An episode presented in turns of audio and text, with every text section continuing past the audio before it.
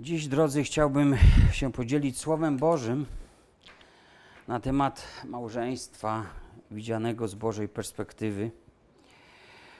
Jako, że proszony od tygodni czy nawet miesięcy byłem o to, żeby pochylić się nad tym tematem.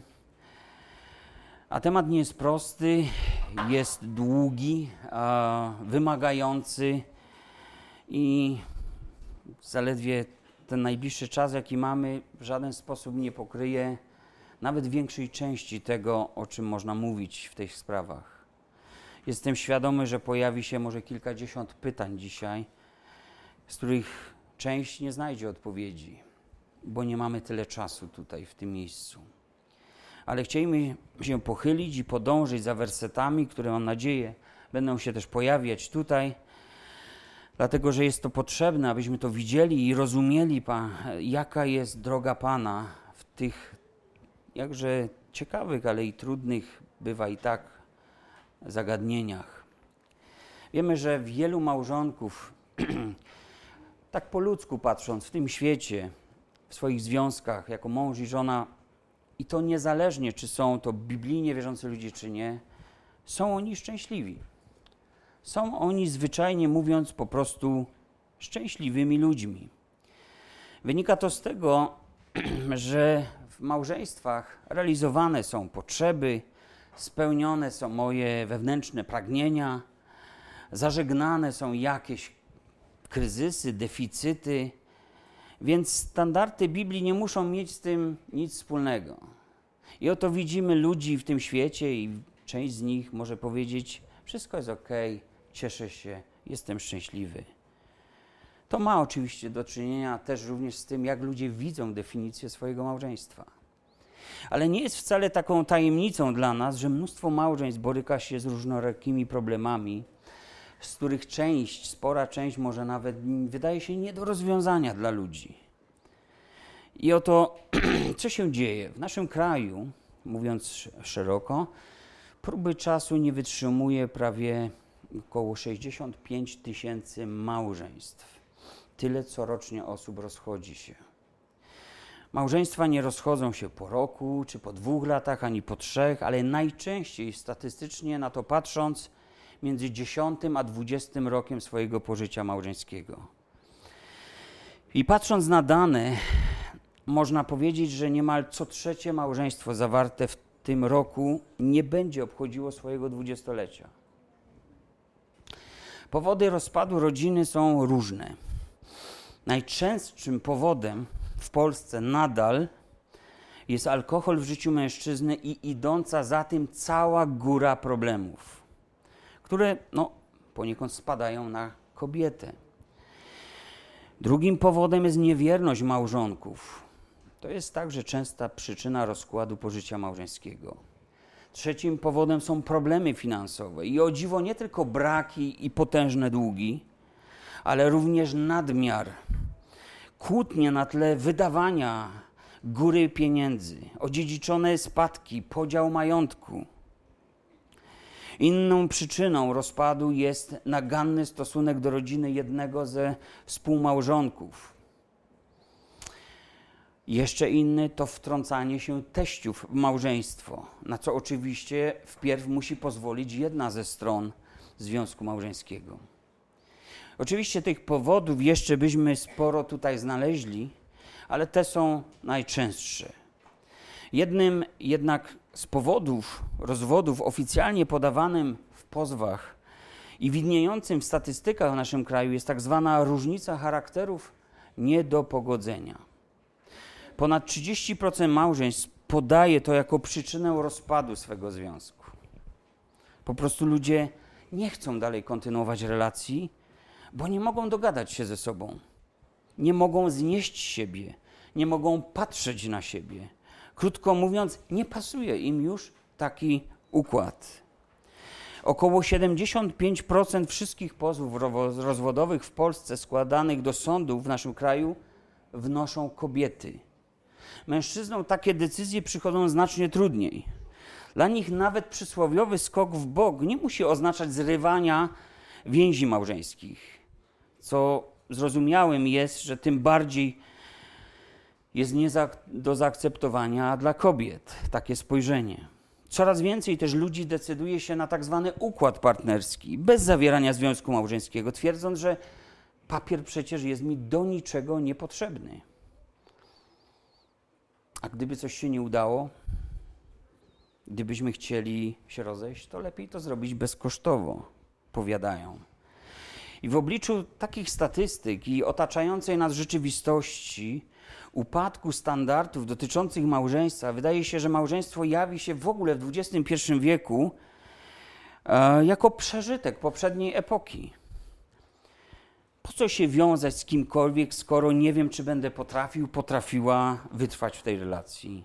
Skoro nie wiem, czy ten układ będzie mi pasował na dłużej.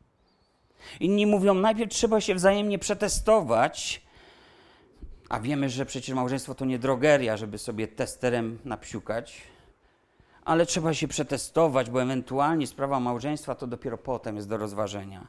Ale małżeństwo to nie jest tor wyścigowy jakiś nowy bolid, którym trzeba się przejechać i zobaczyć, czy, czy, czy, czy to jest ok, czy nie.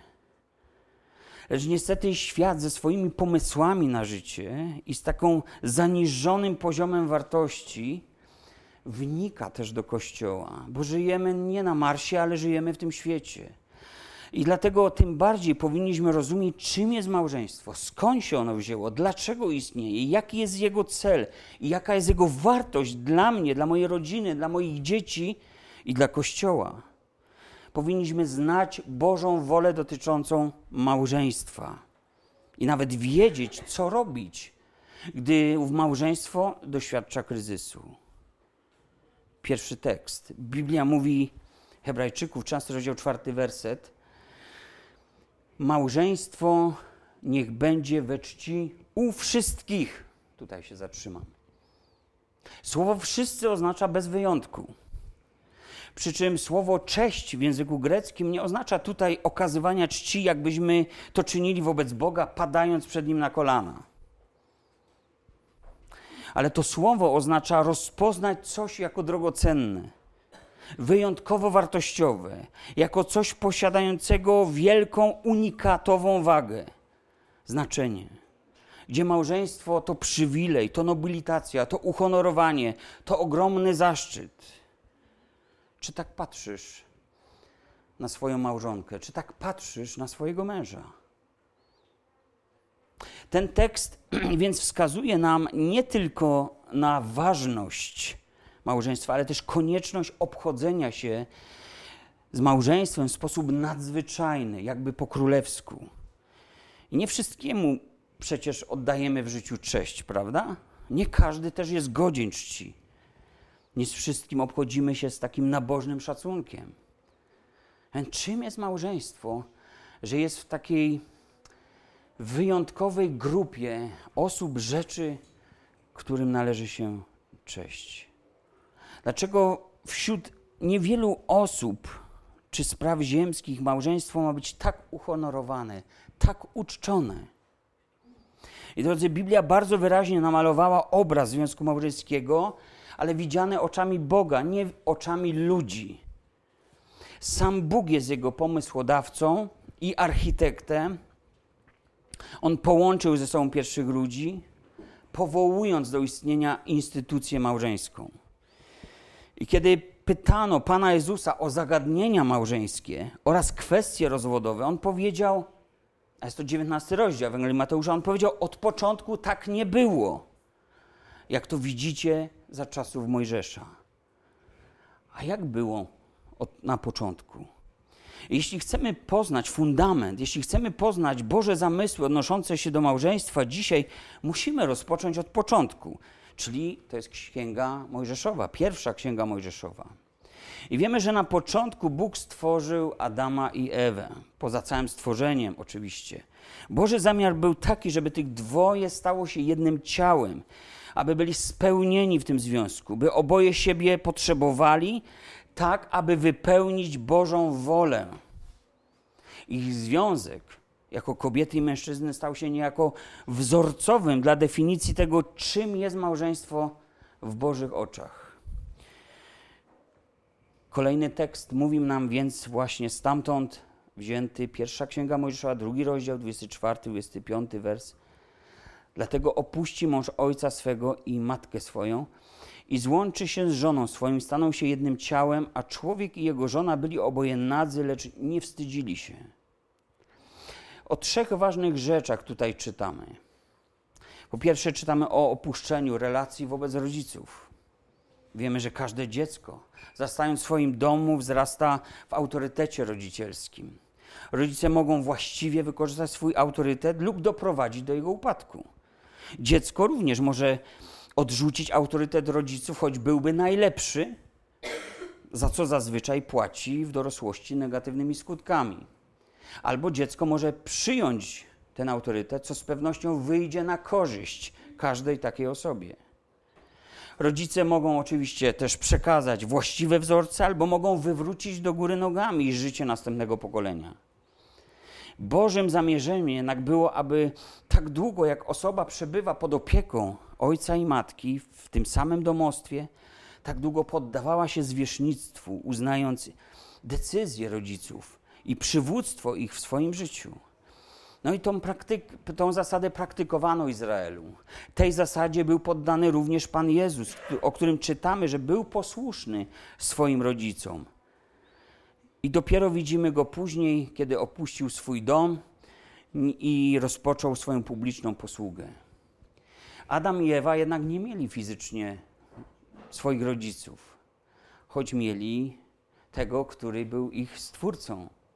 Ale to nam mówi o tym, że Bóg w swoim zamiarze myślał o przyszłości, dając pewien wzorzec, jak te sprawy będą wyglądały w każdej rodzinie. Zatem relacja rodziców w chwili wejścia w nowy związek ich dzieci, po prostu ona ma przestać dominować na życie nowego małżeństwa. Jakakolwiek presja jest niedopuszczalna. A żeby tak faktycznie było, musi nastąpić to opuszczenie tych relacji, pod przewodnictwem których wcześniej żyli małżonkowie osobno. Ci ludzie muszą zmierzyć się z prawdziwym życiem, muszą przejąć odpowiedzialność, muszą nauczyć się zarządzać w wielu sferach swojego życia.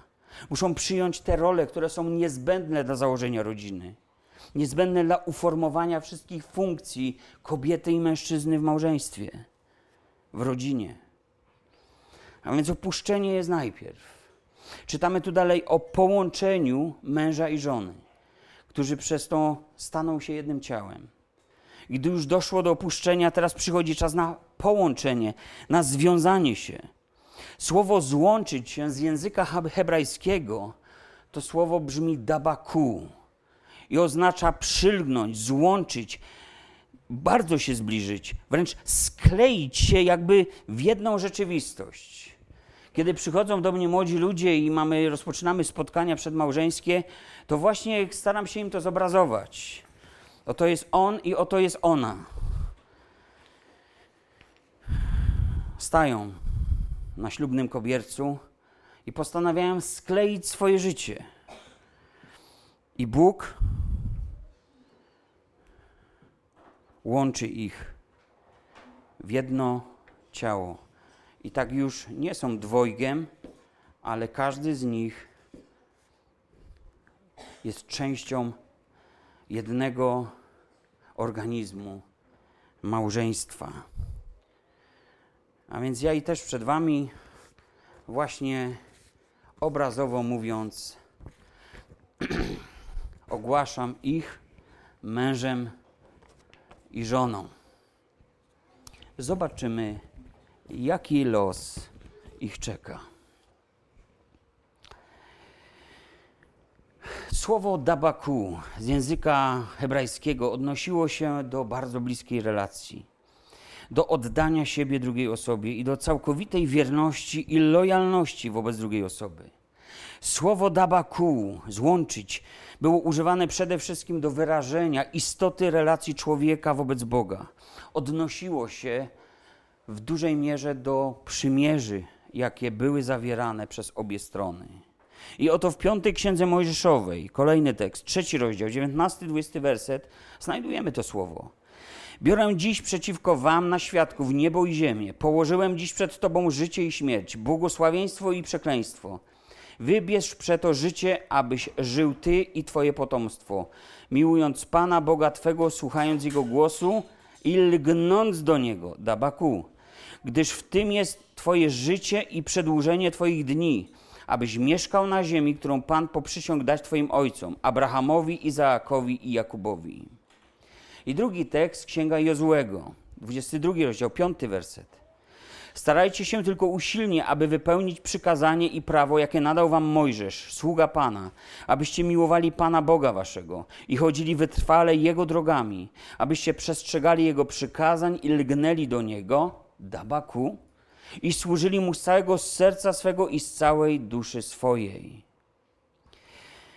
Prorok Jeremiasz używa tego słowa również, chcąc oddać głębię tego związku pomiędzy Bogiem a człowiekiem. I tak w 13 rozdziale, 11 wersecie Księgi Jeremiasza czytamy: Bo jak pas przylega do bioder męża, tak chciałem, aby cały dom izraelski i cały dom judzki, mówi Pan, przylgnął do mnie, Dabaku, aby być moim ludem, moją chlubą, chwałą i ozdobą. Lecz oni nie słuchali. Stary Testament mówi właśnie często o przylgnięciu do Boga, wyrażając tą ideę, o której chodzi w całym przymierzu. W tym przylgnięciu do Boga idzie właśnie oddanie, lojalność, społeczność, miłość, szacunek, poświęcenie, wierność, zaufanie. Małżeństwo w istocie rzeczy miało obrazować relację człowieka z Bogiem.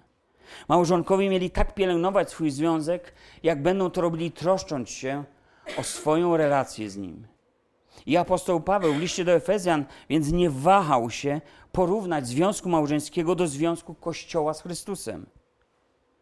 Gdyż tak jak małżonkowie mają stać się ze sobą jednością, tak Kościół z Chrystusem ma być jednością. Efezjan 5 rozdział, 31, 32 werset. Dlatego opuści człowiek ojca i matkę i połączy się z żoną swoją, a tych dwoje będzie jednym ciałem. Tajemnica to wielka, ale ja odnoszę to do Chrystusa i Kościoła. A więc małżeństwo to jest pewnego rodzaju tajemnica, nie byle jaka, wielka, bo odkrywa przed nami poprzez analogię wiele duchowych zagadnień, prawd. Praw, które objawia Bóg tym, którzy decydują się z Nim przejść przez życie w tym związku, w jednym bądź w tym wypadku drugim Chrystusa i Kościoła. Pierwsze małżeństwo zostało powołane na wzór wszystkich późniejszych przymierzy. Malachiasz podkreśla również to prawdę. Księga Malachiasza, drugi rozdział, czternasty werset.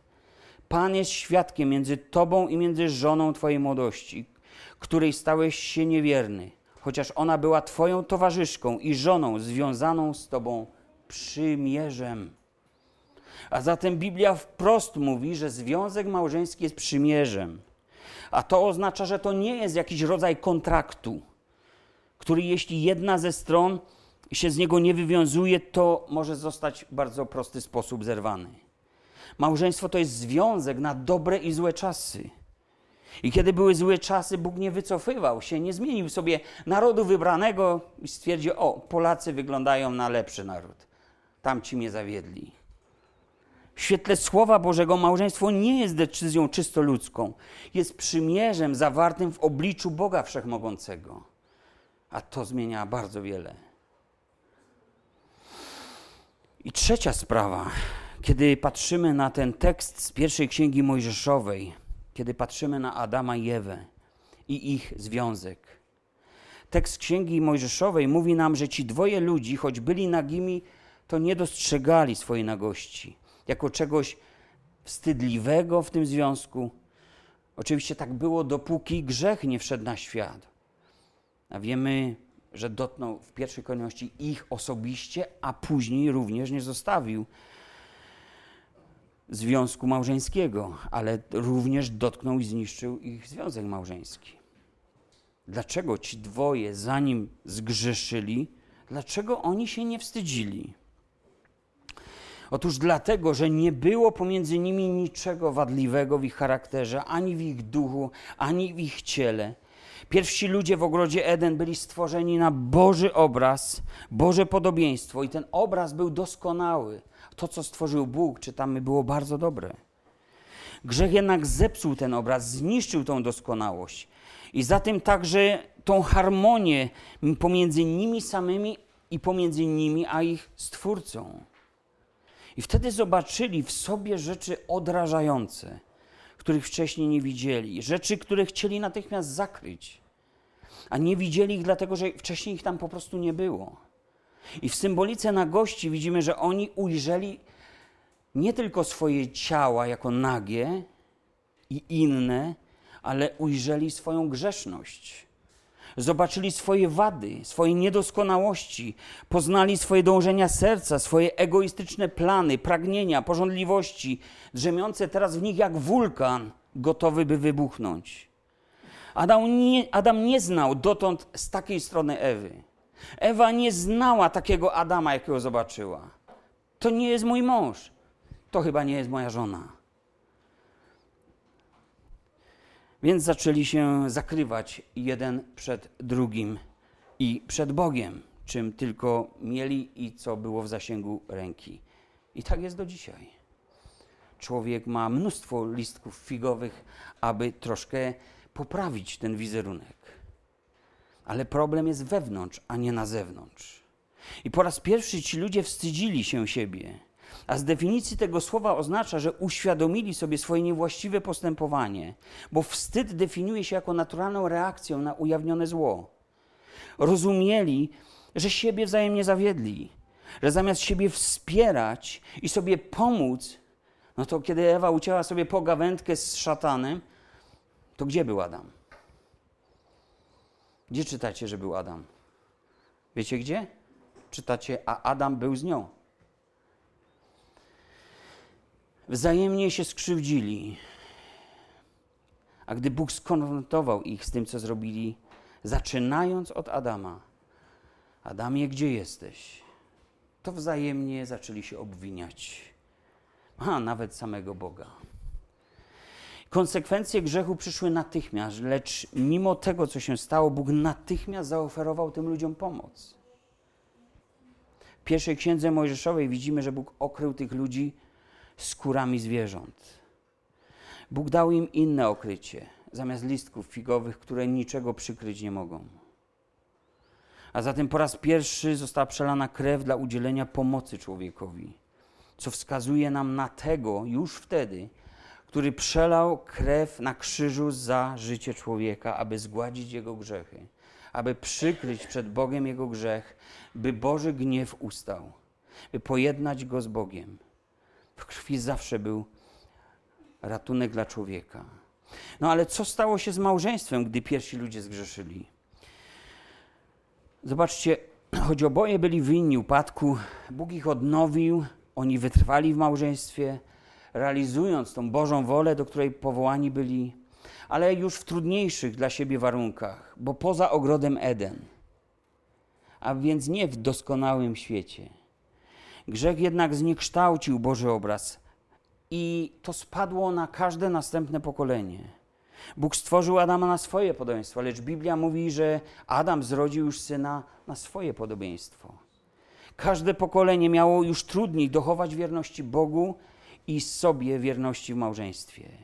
I tak już w czwartym rozdziale pierwszej księgi Mojżeszowej czytamy takie słowa. Lamech pojął sobie dwie żony Imię jednej było Ada, a imię drugiej Sylla. Jest to pierwszy człowiek, o którym Biblia mówi, który nie dochował wierności przymierzu małżeńskiemu. Miał dwie żony. Drugiej na imię było Sylla, co znaczy cień z hebrajskiego, a pierwszej na imię było Ada, co znaczy ozdoba. Zobaczcie, co za ironia losu. Jak to bywa w życiu do dzisiaj, pierwsza w kolejności żona, bo prawdopodobnie tak było, została odstawiona na boczny tor i musiała odejść w cień.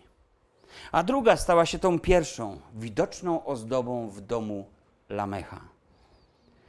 Zatem już po sześciu pokoleniach od ogrodu Eden grzech w sposób szczególnie rażący dotyka przymierza małżeńskiego. I odbiega to wszystko od Bożego planu, od tego, jak było na początku. W Starym Testamencie po upływu większego czasu widzimy także patriarchów, którzy odstępują od tej pierwszej, pierwotnej zasady monogami w małżeństwie. Abraham miał jedną żonę, ale też miał nałożnicę. z którymi miał synów. Najbardziej znaną dla nas jest Hagar, która urodziła mu Ismaela. Po śmierci Sary Abraham poślubił drugą żonę, Keturę. Izaak miał jedną żonę, Rebekę, ale dokładniej, dokładnie postąpił z nią tak, jak postąpił ze swoją żoną jego tato. Nie przyznał się do tego, że to jego żona i o mało co ktoś z mieszkańców Geraru zabrałby ją do swojej sypialni. Jakub miał dwie żony. Pierwszą była Lea, drugą Rachela, którą miłował. Obie były siostrami. Miały też nałożnice, Bilkę i Zylpę, z którymi on miał dzieci. Później czytając Biblię dowiadujemy się, skracając tą całą genealogię tych ludzi, którzy popełnili przestępstwo, odchodząc od tego, jak było na początku. Mamy Dawida, który ma kilka żon, wiele nałożnic. No i w szczytowej formie to już mamy Salomona, który ma, ma dziesiątki żon, setki nałożnic.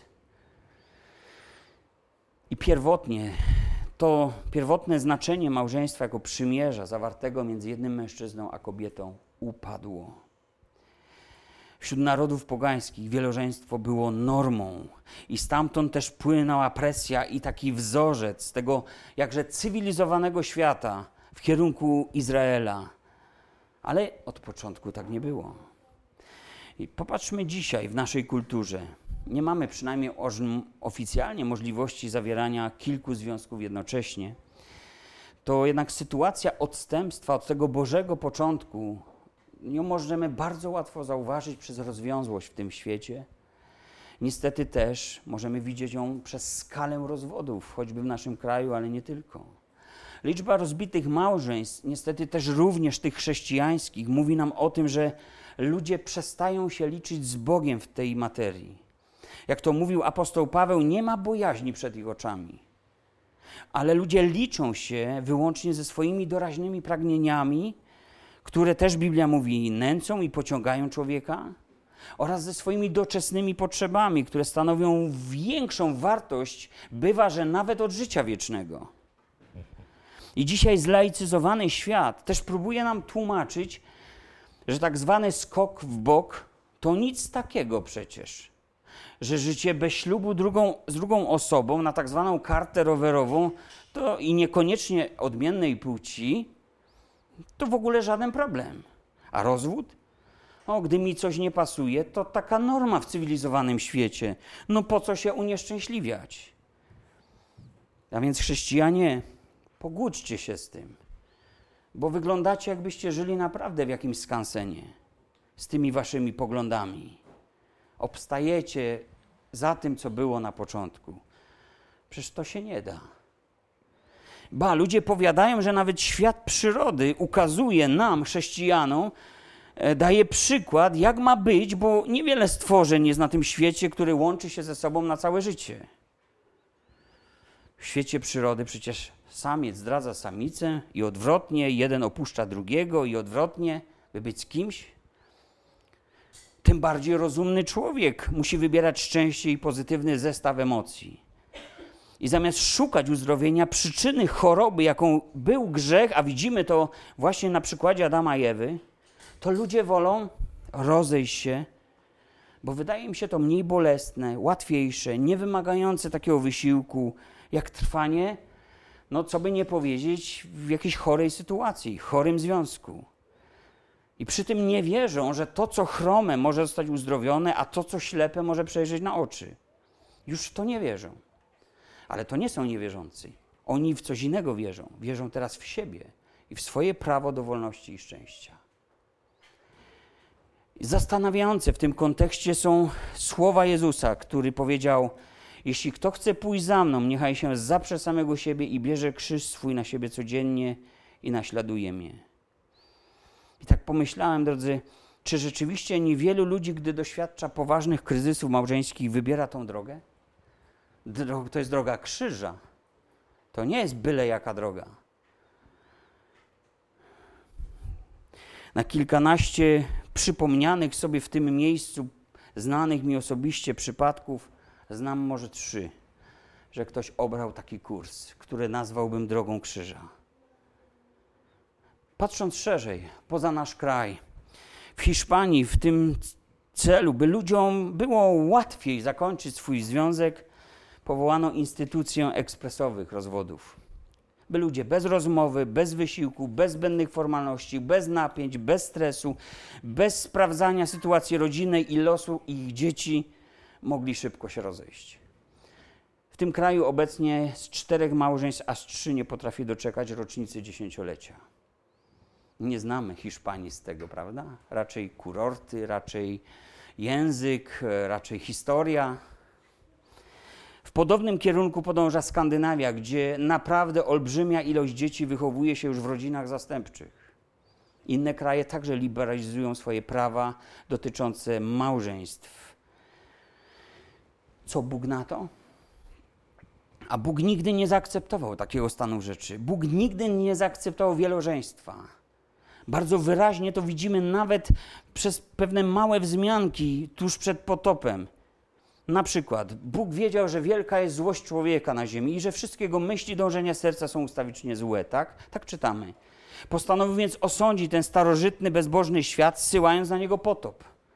I tu ciekawostka. Bóg zleca Noemu budowę arki i mówi do niego, aby potem wprowadził do niej po parze samca i samicy z całego stworzenia. A więc Bóg ciągle myśli jakby zero-jedynkowo. Bóg ciągle myśli w ten sam sposób o stworzeniu, o całym stworzeniu. Jak było na początku, mężczyznę i kobietę uczynił ich i połączył ich ze sobą, aby byli parą. Bóg myśli w sposób parzysty od początku. Bóg nie wprowadził do arki pasażerów na gapę, jak przedstawiają nam to hollywoodzkie e, jakieś ekranizacje. Nie wprowadził do arki bigamistów, poligamistów, ani rozpustników, ani mężołożników, ani wszeteczników, ani cudzołożników, o których Biblia mówi, że będzie ich sądził Bóg. I wracając do Nowego Testamentu, do pierwszego tekstu, który czytaliśmy, to co on mówi? Małżeństwo niech będzie we czci u wszystkich, a łoże nieskalane. Bo rozpustników, bowiem i cudzołożników sądzić będzie Bóg. Niech życie wasze będzie wolne od chciwości. To ciekawe, gdybyśmy się mocniej pochylili nad tym fragmentem, okazuje, że chciwość jest ogromnym motorem i sprawcą tego, że w życiu małżeńskim dzieje się źle. Wielożeństwo, wszeteczeństwo, inne tej natury grzechy w świecie starożytnym, w świecie potopu były powszechne. Ale żadna z takich osób nie znalazła się w arce. Bóg nie zmienił swojego myślenia przez wszystkie przymierza aż do końca. I znajdziecie również w Księdze Objawienia teksty, które mówią o tym, kto będzie na zewnątrz i kto się nie znajdzie tam. Niestety ten grzech rozwiązłości, niewierności, no widzimy, znowu odrodził się i zakwit po potopie, dlatego że natura człowieka jest niezmienna, jest ona w nim. Człowiek zabiera więc ze sobą w tą nową rzeczywistość swój stary bagaż. I tak jest zawsze. Nawet kiedy ktoś wchodzi w trzeci, czwarty, piąty związek, to wchodzi ze swoim starym bagażem w ten związek. Gdy nastał czas zakonu, prawo uregulowało sprawy małżeńskie, dając w Izraelu możliwość wszak jedynie mężczyźnie odprawiana żon. Wynikało to ze statusu, jaką wówczas posiadała kobieta. Regulował to m.in. fragment piątej Księgi Mojżeszowej, 24 rozdział, pierwszy werset. Zobaczymy go, mam nadzieję. Tak. Zapytano pewnego razu Jezusa, uczniowie, no dlaczego Mojżesz pozwolił na rozwody? Jezus odpowiedział, Mojżesz pozwolił wam odprawiać żony ze względu na zatwardziałość serc waszych, ale od początku tak nie było. A więc to serca ludzkie były zatwardziałe, że ludzie nie byli w stanie dochować wierności i wytrwać w swoich związkach.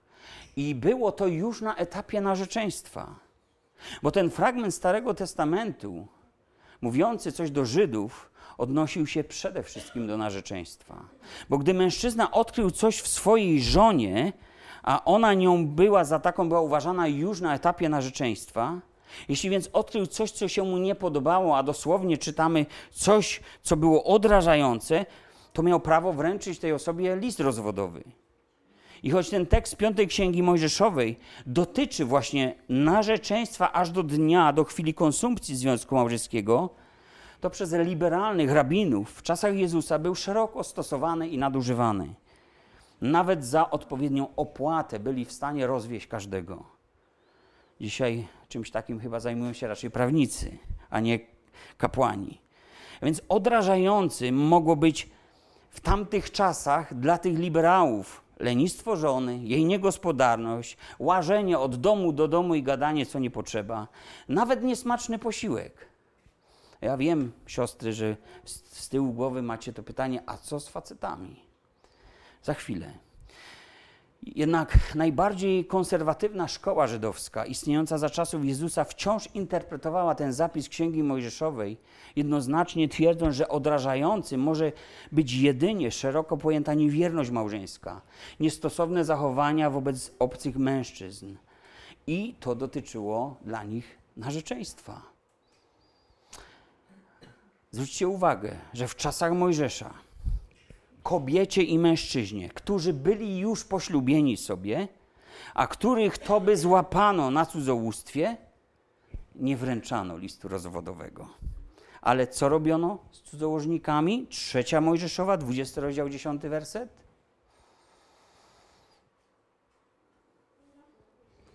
Śmierć. Śmierć. I pewna analogia. Przyprowadzono do Jezusa taką osobę. Oczywiście był to fortel, mężczyzny nie ma, jest tylko kobieta. Chodzi o to, żeby złapać Jezusa na tym, że nie zna słowa albo nie ma litości nad człowiekiem. Więc przyprowadzają tą osobę i wtedy powiedział do tych, którzy byli gotowi ją potępić i ukamienować, kto z was jest bez grzechu, niech pierwszy rzuci w nią kamieniem. No, który pierwszy? I wiemy, że jeden po drugim odchodzili. Czy Jezus po tym wszystkim nakazał tej kobiecie odejść od męża? Albo sprawa wydała się, musiał mąż o tym usłyszeć po to, żeby sporządzić list rozwodowy? Nie. Jezus powiedział: idź i więcej nie grzesz, a nie idź tam do sądu i rozwód sobie zrób. On jej okazał łaskę zamiast kary za grzech, jaka w Izraelu mogła zostać wykonana. Nikt nie wręczał listu rozwodowego zamężnym kobietom czy mężczyznom. Wręczano je tylko pannom do chwili konsumpcji małżeństwa. Znający prawo i obyczaje, pobożny Józef, przyszły mąż Marii, chciał ją opuścić, bo miał tylko dwie możliwości. Wiedząc, że jest brzemienna, wiedząc, że to nie jego sprawka, nie on do tego się przyczynił, mógł wręczyć jej list rozwodowy i pohańbić ją, uczynić ją winną za to, że z nieprawego łoża przyjdzie na świat dziecko, mógł uczynić ją winną grzechu wszeteczeństwa, albo mógł wziąć całą winę na siebie. I co właśnie chciał uczynić, uciekając pod osłoną nocy od niej. I wtedy co by się stało? Przyszedłby dzień, Józefa nie ma. Wszyscy powiedzieliby: No tak, kobieta spodziewa się dziecka, on jej zmajstrował, to jego robota, ale uciekł. Co za drań. I my wiemy, że to anioł powstrzymał go, zapewniając go, aby się nie bał, że to Duch Święty przed do Marii. I to, co się narodzi, będzie z Ducha Świętego. Więc Józef tak kochał Marię, że był w stanie sobie tą winę całą przypisać na siebie. Ale ona formalnie nie była jeszcze jego małżonką. Ona była jemu przeznaczona. I tak to działało w Izraelu.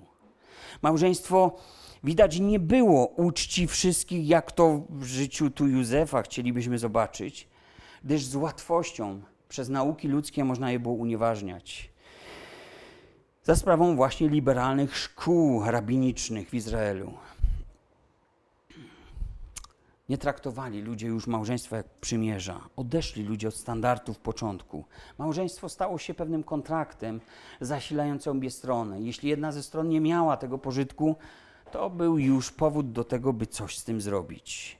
I tu przechodzimy do bardziej nowoczesnego świata, a więc Marek pisze swoją Ewangelię, choć opisuje czasy Jezusa, jednak pisze tą Ewangelię do Rzymian, więc pisze z perspektywy trochę późniejszych czasów.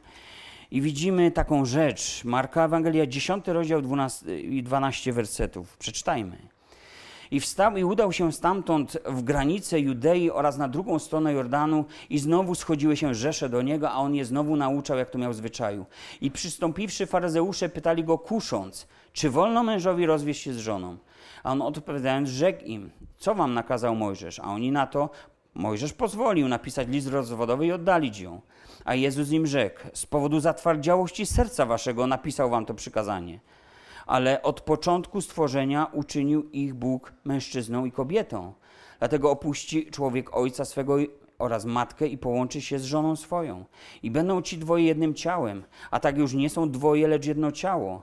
Co tedy Bóg złączył, pamiętamy hebrajskie dabaku, człowiek niechaj nie rozłącza. Mają się dobrze. Są za mną. Człowiek niechaj nie rozłącza. A w domu pytali go uczniowie znowu o to samo i rzekł im: Ktokolwiek by rozwiódł się z żoną swoją lub poślubił inną, popełnia wobec niej cudzołóstwo.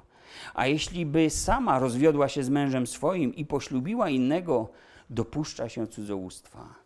I tu, jak widzimy w Ewangelii Marka, napisanej pierwotnie dla adresatów rzymskich, widzimy, że to rzymskie prawo zupełnie inaczej stawiało sprawę dając kobiecie pewien status, jakie ona nie miała w samym Izraelu. A więc i ona mogła podejmować inicjatywę rozwodową ze swoim mężem. To, czego jednak nauczał Pan Jezus, żyjąc w tamtych czasach, to był powrót do źródeł, a nie szukanie jakiegoś wspólnego mianownika z tym światem. Jest to zobaczenie małżeństwa w świetle, w jakim małżeństwo zostało powołane i dane ludziom. I ludzie mieli uświadomić sobie to na nowo, co to znaczy, że małżeństwo jest dozgonne, że małżeństwo jest związkiem nierozerwalnym.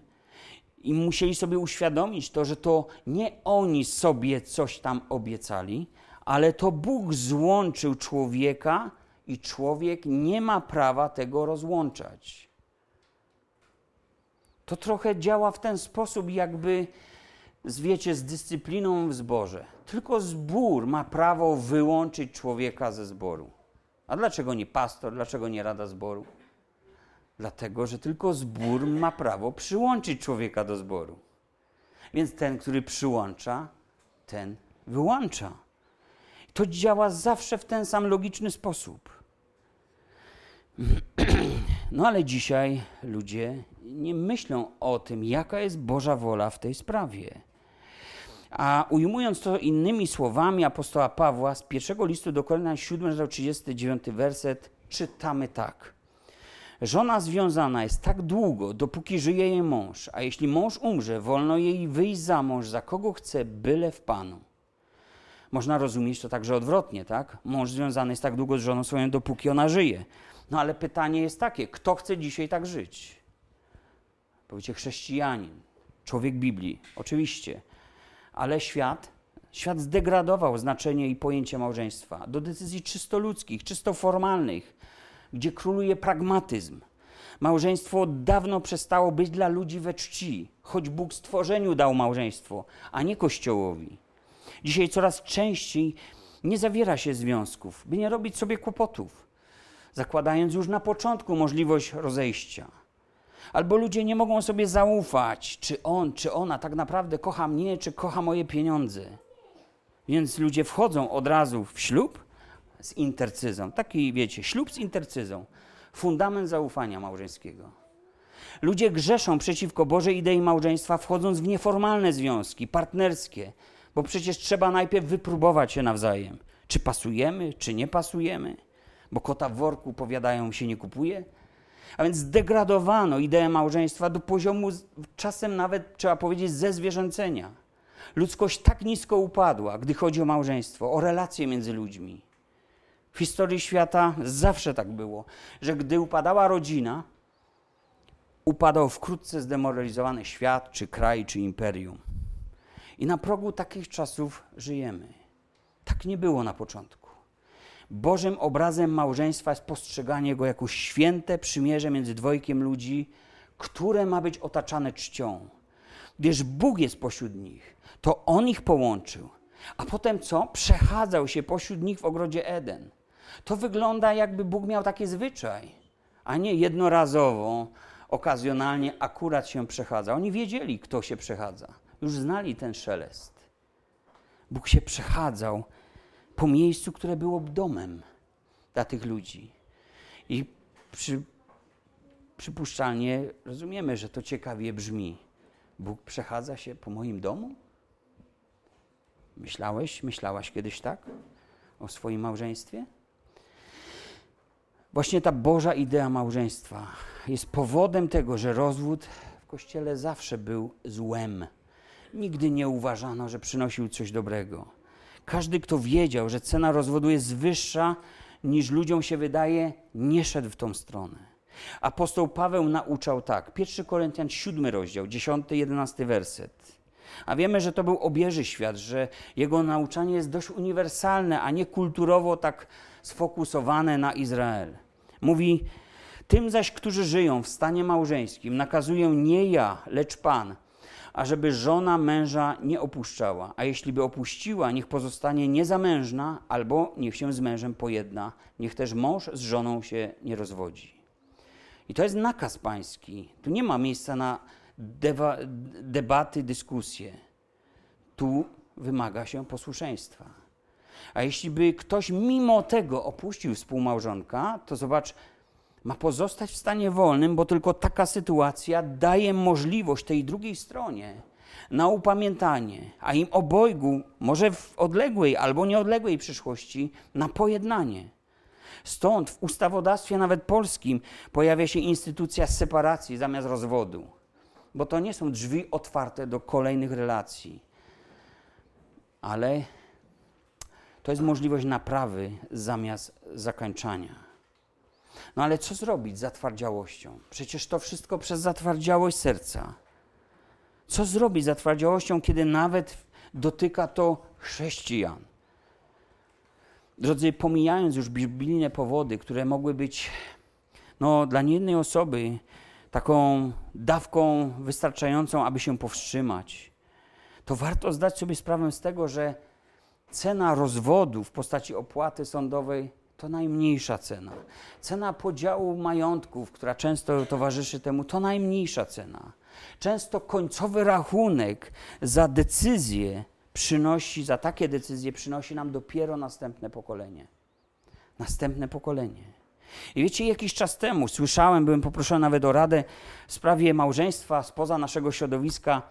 Rzecz jasna, dlatego o tym osielam się powiedzieć, które jest drugim pokoleniem pobrzemiennej w skutkach decyzji rodziców. I ta rodzina od dwóch pokoleń nie potrafi się podnieść. Jest dokładnie tak, jak ta zasada Jezusa, która mówi: Królestwo rozdwojone samo w sobie nie może się ostać. I trzeba przy okazji też coś powiedzieć więc o grzechach pokoleniowych, które w przypadku małżeństw i całych rodzin niestety mają miejsce, gdzie córki powielają błędy swych matek, gdzie trzeba powiedzieć o problemach mężczyzn, którzy wchodzą w te same ścieżki swoich ojców, a postępują nawet gorzej niż oni. Dlatego właśnie Izraelici w swojej pokucie wyznawali swoje grzechy i grzechy swoich ojców.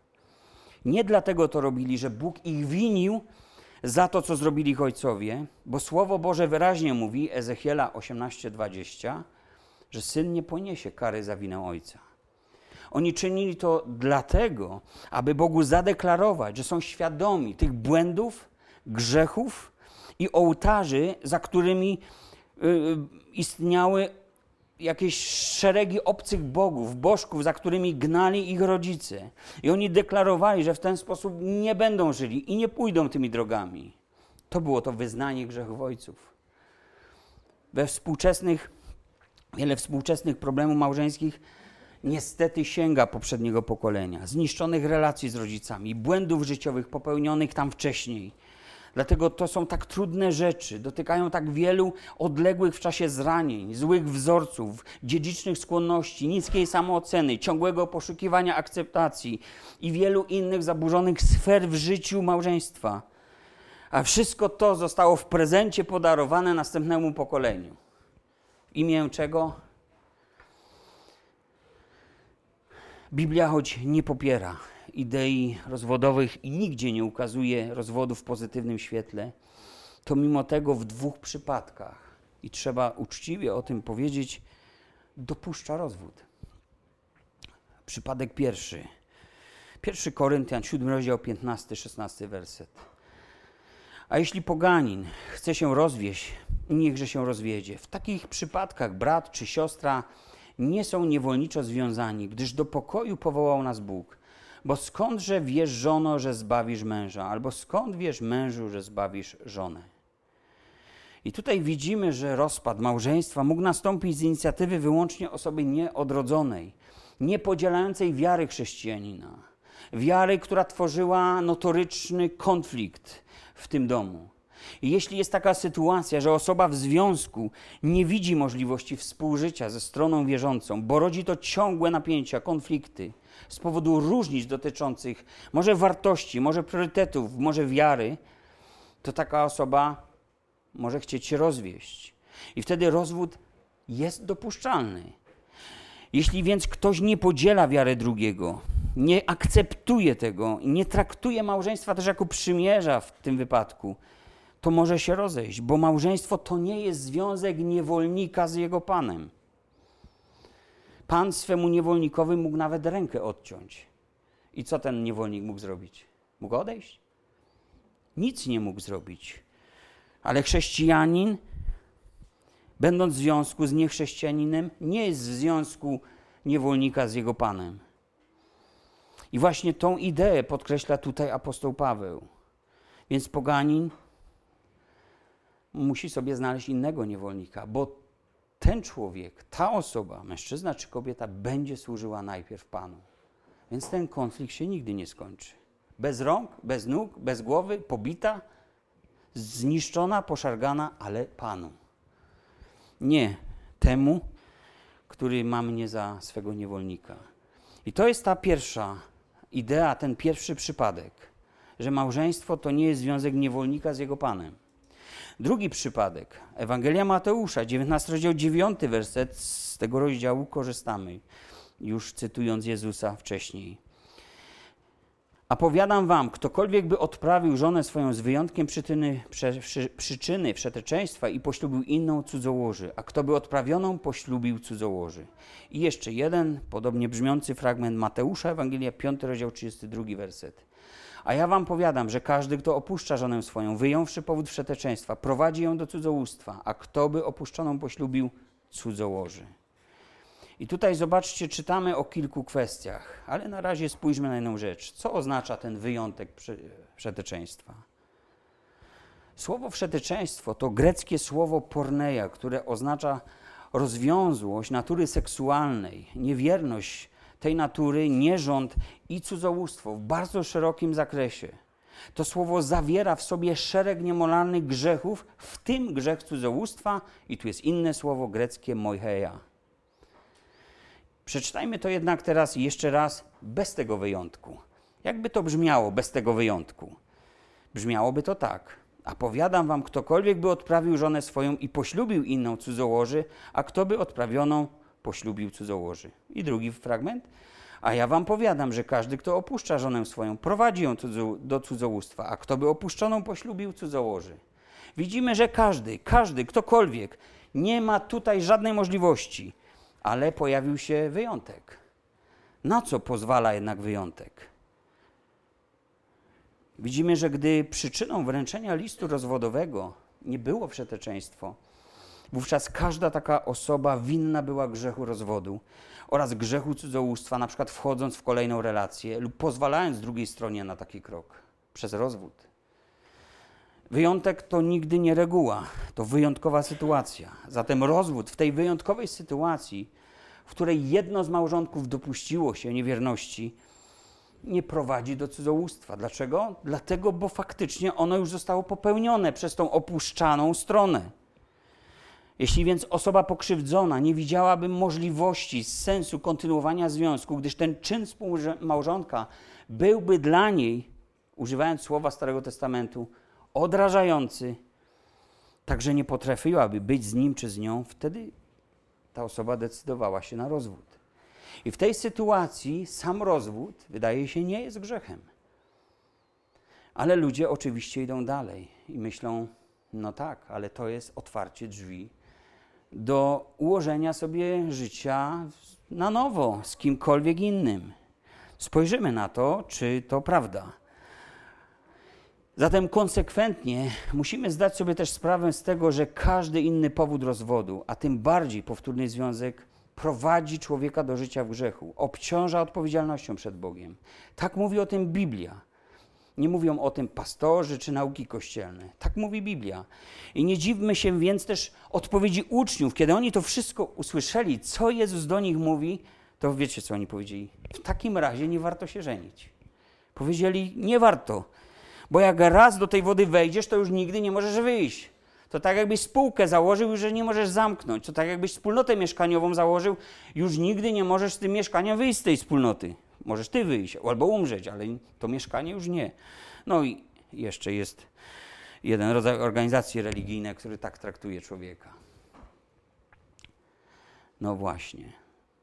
Nie warto się żenić, mówią uczniowie.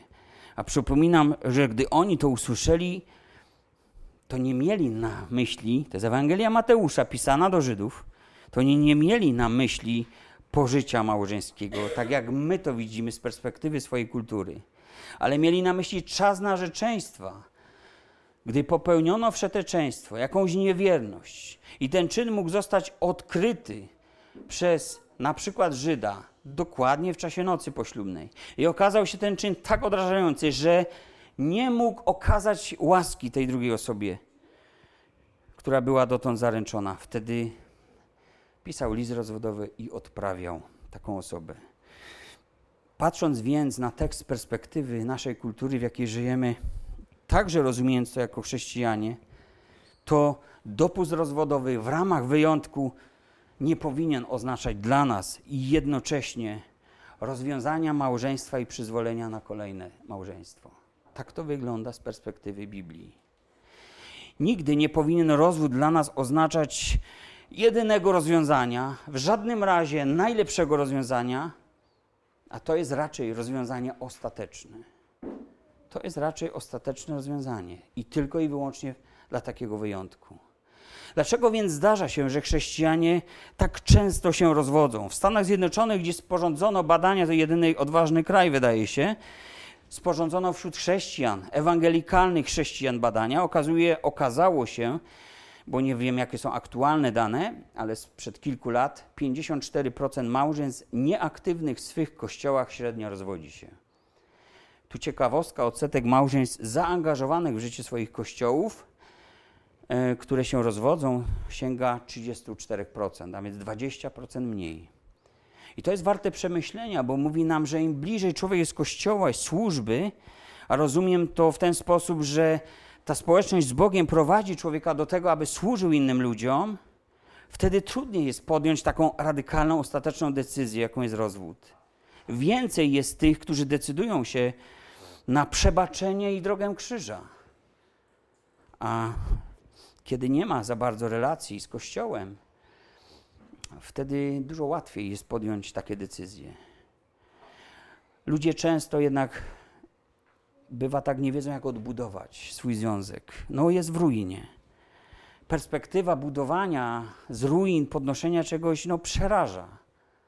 Bycia z kimś, kto zawiódł, przeraża. Zaufanie komuś, kto zawiódł zaufanie, przeraża. Ale posłuchajcie, jeśli nie wiem, jak budować swój dom, który jest w ruinie, to muszę to zrobić po prostu na logikę. A logika wydaje się słuszna. Najpierw należy oczyścić dom z ruin. Odgruzować trzeba wszystko. W jaki sposób? Mówimy o duchowych sprawach. Przyjdź pod krzyż Jezusa, aby oczyścił najpierw Twoje serce. Nie zajmuj się sercem partnera niech oczyści moje serce, niech opatrzy moje rany. To ja potrzebuję doświadczyć odpuszczenia, to ja potrzebuję dać przebaczenie. A więc pozwalam, aby popłynęły we mnie rzeki wody żywej, aby Duch Święty miał przystęp do mojego życia, do mojego serca, do moich decyzji. Daję Bogu przyzwolenie. Niech moja wola, ale wszak Twoja, Panie, niech się stanie.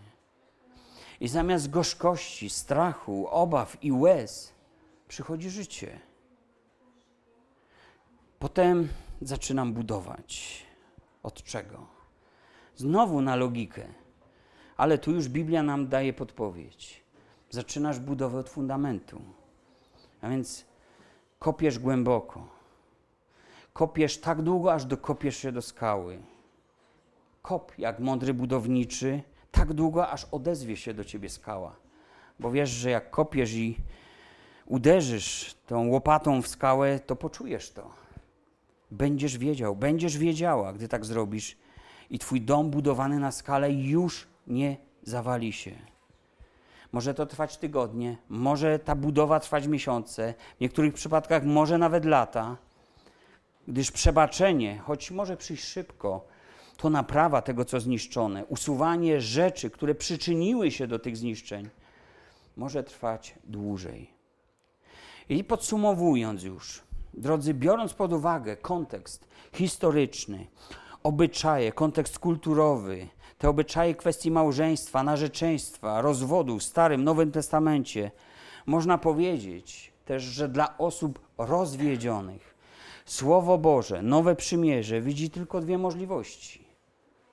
Pozostanie w stanie wolnym, aż do śmierci współmałżonka, lub powrót poprzez naprawę i pojednanie do związku.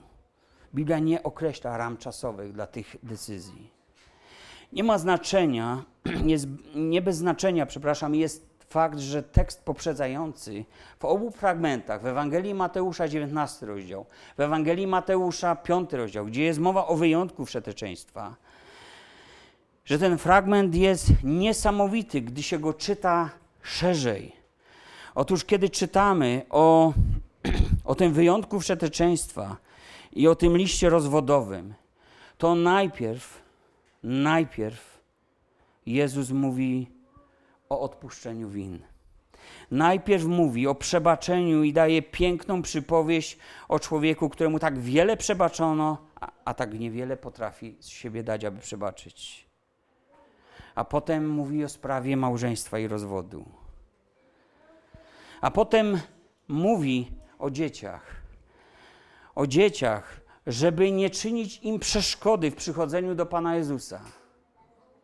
I wiecie, jak to zestawicie razem, to macie obraz rodziny, która się rozwala, a skutki tej rozwałki przechodzą na następne pokolenie, bo dzieci nie potrafią już zaufać Jezusowi, bo takie chrześcijaństwo to one nie chcą, to one to widzą w świecie. To też jest dla nich chrześcijaństwo, bo to jest, nie ma żadnej różnicy. Piąty rozdział. Też kiedy patrzysz na ten rozdział, oczy ci się otwierają. Ponieważ kiedy mowa tam o rozwodzie i wyjątku przeteczeństwa, najpierw mowa znowu o przebaczeniu. Znowu o przebaczeniu. A po tym fragmencie jest mowa o przysięganiu. Nie przysięgaj, kiedy nie jesteś w stanie dochować przysięgi. Ale niech Twoje tak będzie tak, a Twoje nie, niech będzie niebo, co ponadto jest od złego. A więc spójrzmy szerzej na pismo. Nie patrzmy tylko przez taki lejek, przez taki fragment naszych potrzeb, naszych zranień. Bóg ma jakąś drogę dla człowieka. Boże Słowo nie zostawia nas bez drogowskazów.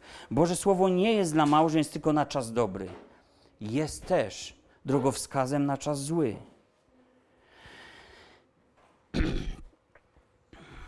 Stąd wyjątek wszeteczeństwa widzę, że nie jest przyzwoleniem do rozwodu i powtórnego małżeństwa, ale jest co najwyżej dopustem rozwodu. Dlatego, a przynajmniej na pewno tak długo, dopóki istnieje możliwość pojednania i powrotu do siebie. Biblia mówi, 1 Koryntian 7, rozdział 39 wers. A jeśli mąż umrze, wolno jej wyjść za mąż, za kogo chce, byle w Panu. Wolność po śmierci współmałżonka do wejścia w nowy związek jest ograniczona słowem w Panu. Wszystko inne, co nie jest w Panu, nie jest z Boga, nie jest dla chrześcijanki, nie jest dla chrześcijanina. I uczciwie patrząc na te teksty, których tylko część byłem w stanie przytoczyć, one pozostawiają jedynie niewielką przestrzeń do dyskusji i do oceny sytuacji, zawsze patrząc indywidualnie. I głównie dla ludzi, którzy rozeszli się w swoim życiu ze współmałżonkiem, zanim poznali Boga i Jego wymagania, zanim zrozumieli, że małżeństwo ma być we czci, zanim uświadomili to sobie, że weszli w przymierze, a nie w jakiś kontrakt, dla którego Bożym zamiarem było to, aby to przymierze trwało całe ich życie. Gdy się nawracają, a powrót do poprzedniego związku jest niemożliwy, wtedy dopiero zaczyna być otwarta dyskusja nad tym, co dalej w ich życiu, bo czy rzeczywiście wszystko przeminęło, a wszystko stało się nowe, starego nie ma, a oto wszystko jest nowe? Może być nowe, jak czysta kartka niezapisana?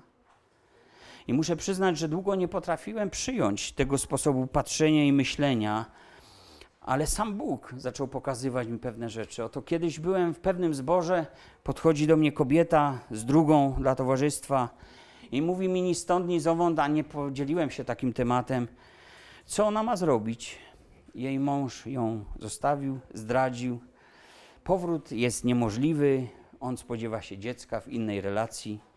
Czy ma do końca życia pozostać sama? Nawróciła się i teraz zastanawia się, otwierając Biblię. Wtedy Duch Święty zwrócił moją uwagę na pewną znaną historię, którą na koniec Wam opowiem. Pewnego razu Jezus musiał przechodzić przez Samarię. Wiemy doskonale, że nie musiał. Żaden Żyd nie musiał i nie chciałby przechodzić przez Samarię.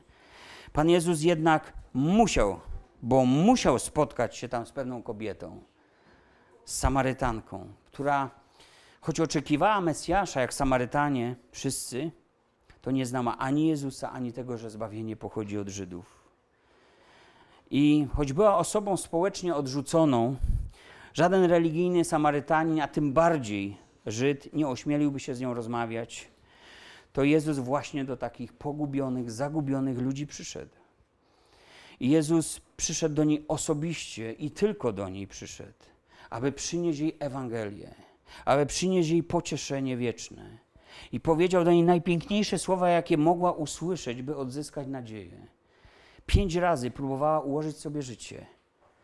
I nie wiemy, czy dlatego, że mężowie po kolei umierali, czy dochodziło do rozwodów, ale obecny mężczyzna, z którym była w relacji, nie był jej mężem.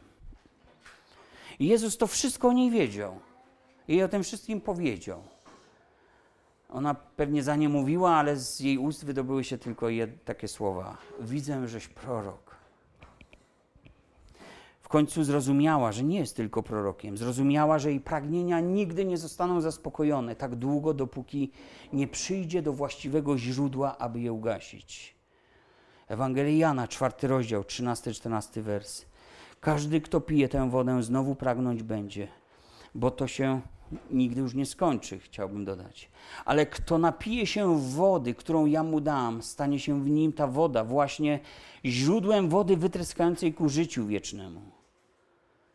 Jezus powiedział tutaj dla niej o życiu w spełnieniu, w poczuciu autentycznego szczęścia.